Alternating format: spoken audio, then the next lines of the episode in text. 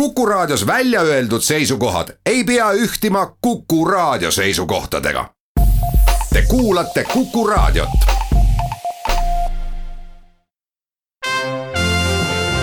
Tallinna Filharmoonia esitleb Filharmooniline huvitaja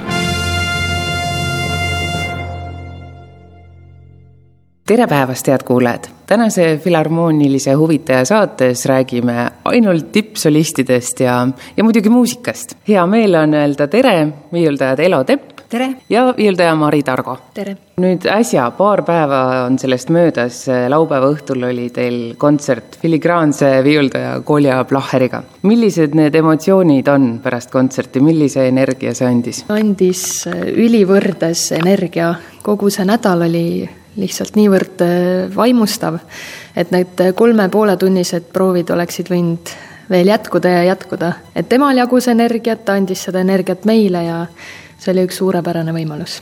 kui kontsert lõpeb, see on kindlasti inimeseti erinev, aga kuidas siis on, et äh, on aitäh, surume kätt ja auto on ees ja ongi minek või saite te ka pärast kontserti suhelda omavahel ja millised olid tema mõtted ja emotsioonid?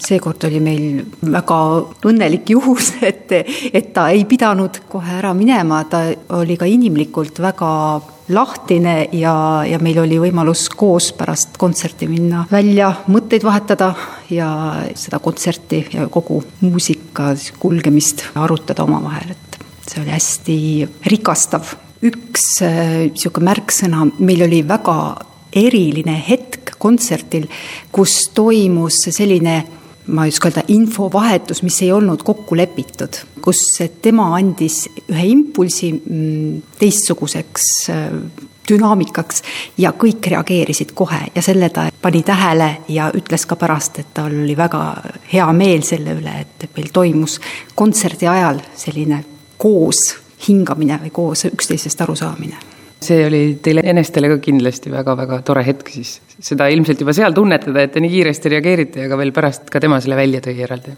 jah, just nimelt, et ega ta väga suur jutumees nii-öelda ei ole, aga kui ta midagi ütleb, siis äh, see on juba midagi väärt. mida Plaheri juures kõik imetlesime ja imestasime, et enne proovi algust ja ka peale proovi lõppu kella seitsme paiku läks tema harjutama, et see on tõesti, tagab selle kvaliteedi ja ja ta peab ennast hoidma lihtsalt tipptasemel vormis, see oli väga imetlusväärne. ja oli ka kontserdil üks pala, mille ta äsja oli ka ise selgeks õppinud veel noh, praegu, et see tõesti ei ole vist väga tavapärane, et nii suured muusikud leiavad endas selle innu ja, ja rõõmu. jah, just nimelt, et jällegi asi, millest eeskuju võtta et ei jää kinni oma, nagu Robert just ühes intervjuus ka ma kuulsin, ütles, et tihti suurtel artistidel ongi see, et nad õpivad need paar hitti ära ja siis nende najal elavad elu lõpuni, et et see ei ole kindlasti Plaheri stiil. ja juba sellel kuul on teil rõõmus võimalus siis järjekordse tippviiuldajaga kontserte anda, kes on Peter Spiski see on kahekümne esimesel märtsil ja tema armastus on barokkmuusika. just nii, ka meie eriline lemmik on barokkmuusika. me Mariga oleme õnneliku juhuse läbi niimoodi sattunud ka võib-olla rohkem mängima barokkmuusikat ja siis ka ajastutuludel pillidel, mis on siis äh, tavahäälestusest madalamas enamasti olenevalt muidugi ajastust, aga madalamas häälestuses ja soolkeeltega ning barokkpoognaga. soolkeel, see ei tähenda ju seda, et te teete keeled enne väga soolaseks ja siis tekib eriline heli? seda mitte, lihtsalt keelte materjal on soolikas. kelle sooltest need keeled tehtud on siis? lambasooltest, siis ma ei teagi, veise vist jah, ma ei tea täpselt seda spetsiifikat, aga lammas on niisugune tavaline hiiulikeele materjal, lambasool. Teil on eh, Peeter Spiskiga ju ka varem kokkupuuteid olnud, et ta ei tule esimest korda orkestri ette? jah, esimene kohtumine võiski olla umbes neli aastat tagasi, eh, kui meil oli instrumentaalkava, kuid vahepeal eh, umbes kaks aastat tagasi lihavõtte paiku tegi ta meiega Hendeli Messiast olles siis äh, just see orkestrit vedav kontsertmeister, nii nagu oli ka Kolja Placher.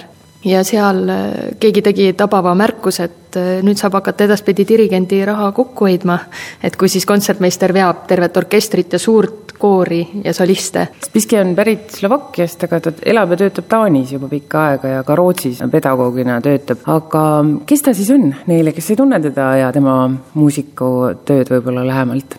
On üks väga huvitav tüüp, selline tõeliselt avatud sõbralik, kui tuua nüüd võrdlus Blaheriga, kes on siiski mingis mõttes reserveeritud. ka tema on sõbralik, kuid ta on reserveeritud, siis Spiski on selline minu arvates filantroop, kes tõesti otsib endale inimesi, otsib kontakte siin Eesti barokkviiuldaja Meelis Orkse siiamaani naerab, et kuidas neli aastat tagasi, kui siis Piski esimene kontakt Eesti ja Tallinnaga tekkis, otsis ta Meelise Facebookist üles, lisas ta juba sõbraks ja küsis, et kas me võiks õllele minna. et ühesõnaga, ta on tõesti, ta kogub inimesi ja see on väga, väga tore siin Eesti pimeduses kohata selliseid inimesi. talle kuulub minu meelest erakordne oskus teha ükskõik millist märkust muusika niimoodi õppimise käigus nii, et see, see ei mõju mitte kunagi nagu märkusena, vaid ta on alati nõuanne ja ta haarab kaasa omaenda mänguga ja lihtsalt võtabki inimesed kaasa, et, et teeme nii ja kunagi ei mõju negatiivselt tema nõuanded. ja ma mäletan veel eelmisest projektist seda, meil Eloga olid barokkpoognad olemas, olid kastis, aga siis teisel päeval võtsime need välja ja siis kolmandal päeval olid veel paaril inimesel ja lõpuks oli tervel orkestril olid need barokkpoognad käes, et kõik olid kuskilt võlunud need endale välja, sest et Spiski küll ei nõudnud seda, see ei olnud mitte mingi eeldus, et meil peaksid need poognad olema. aga kuidagi lihtsalt see Poogna teema üldsegi ongi see, et, et barokkmuusikas on hästi tähtis retoorika ehk siis kõne ja just parem käsi ja poogen on ju see, mis kõneleb tegelikult pilli peal. et see barokkpoogna plastilisus on hoopis teistsugune kui modernpoognal, mis on palju pikem ja mõnes mõttes jäigem ja tema eesmärk on valjemat heli tekitada ja sellist pidevamat, et see on nii-öelda teistsugune pintsel käes. Spiski ise on öelnud, et see barokkpoogen, kuna ta ongi lühem, et siis tekibki nagu horisontaalne liikumine rohkem et see annab nagu uusi värve ja mängule hoopis teise energia. jah, absoluutselt, et just see märksõna retoorika, sellised väiksed üksused, kuidas neid ühendada ja üks märksõna ka veel, mis äh, barokki hästi iseloomustab, et, et see muusika alati kas laulab või tantsib. ja nüüd seda tantsulisust on selle poognaga hoopis mugavam tekitada kui modernpoognaga.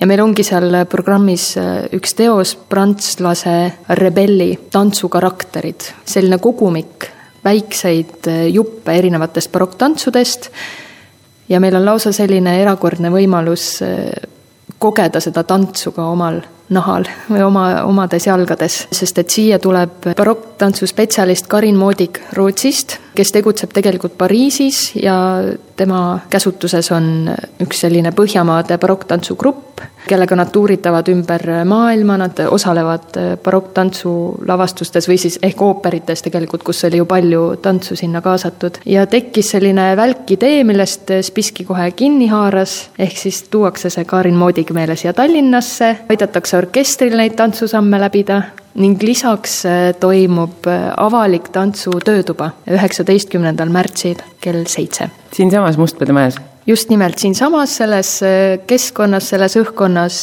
on võimalik siis kahekümne viiel eksklusiivsel inimesel seda töötuba läbida. kindlasti peab registreerima ennem?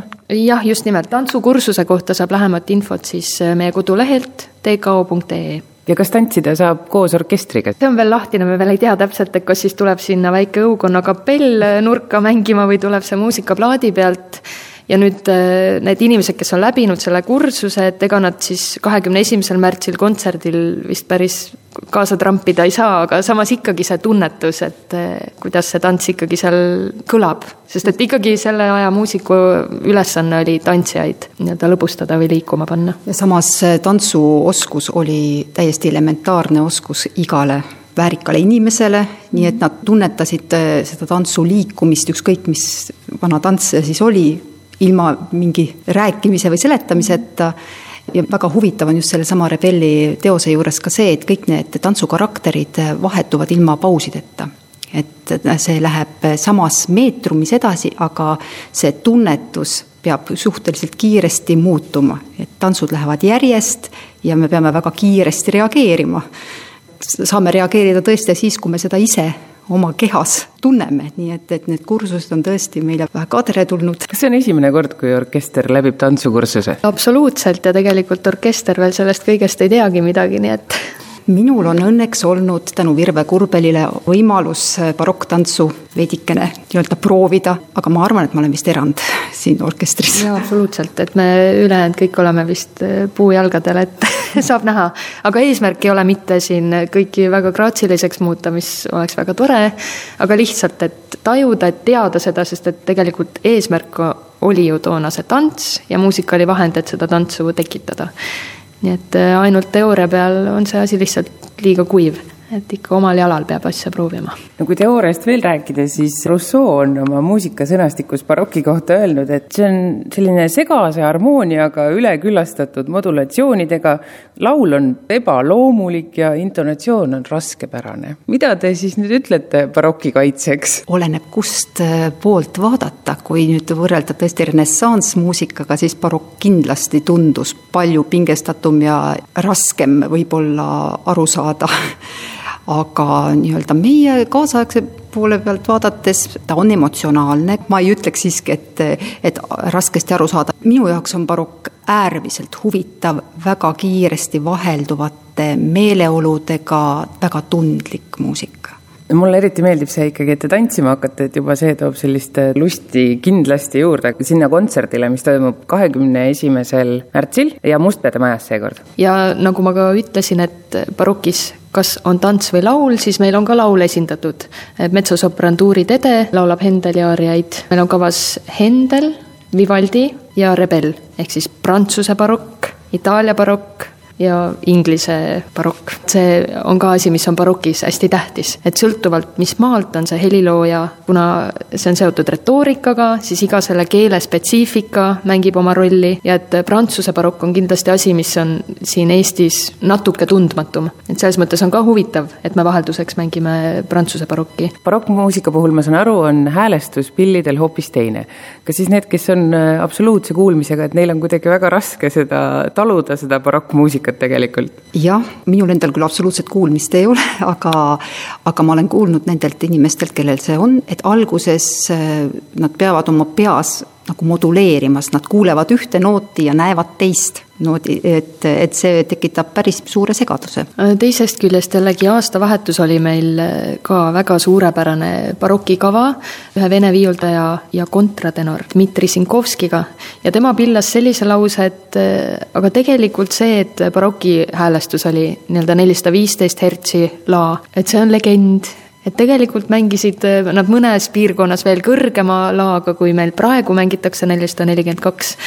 et vot need on asjad, millest me võime ainult äh, kirjandusest nii-öelda neid katkeid võtta ja tekitada mingi pildi enda jaoks. me tegelikult ju ei tea, mis siis päriselt oli. Nii et igatahes, head kuulajad, ärge kartke barokki, väga lahe muusika on, saab tantsu ja tralli ja Tallinna Filharmoonia kutsub siis teid ka Mustpeade Majja tantsukursustele. õige pea tulevad, vaadake koduleheküljelt tko.ee siis täpsemalt järgi ja pange ennast kirja, et kohti on väga vähe. aga Peeter Spiskiga kontsertsarjas Tippsolistid on kakskümmend üks märts Mustpeade Majas, olete kõik väga oodatud. Elo Tepp ja Mari Targo, tänan teid ja soovin siis tuleks tore kursus ja veel parem kontsert. täname. aitäh. head päeva jätku. Tallinna Filharmoonia esitleb Filharmooniline huvitaja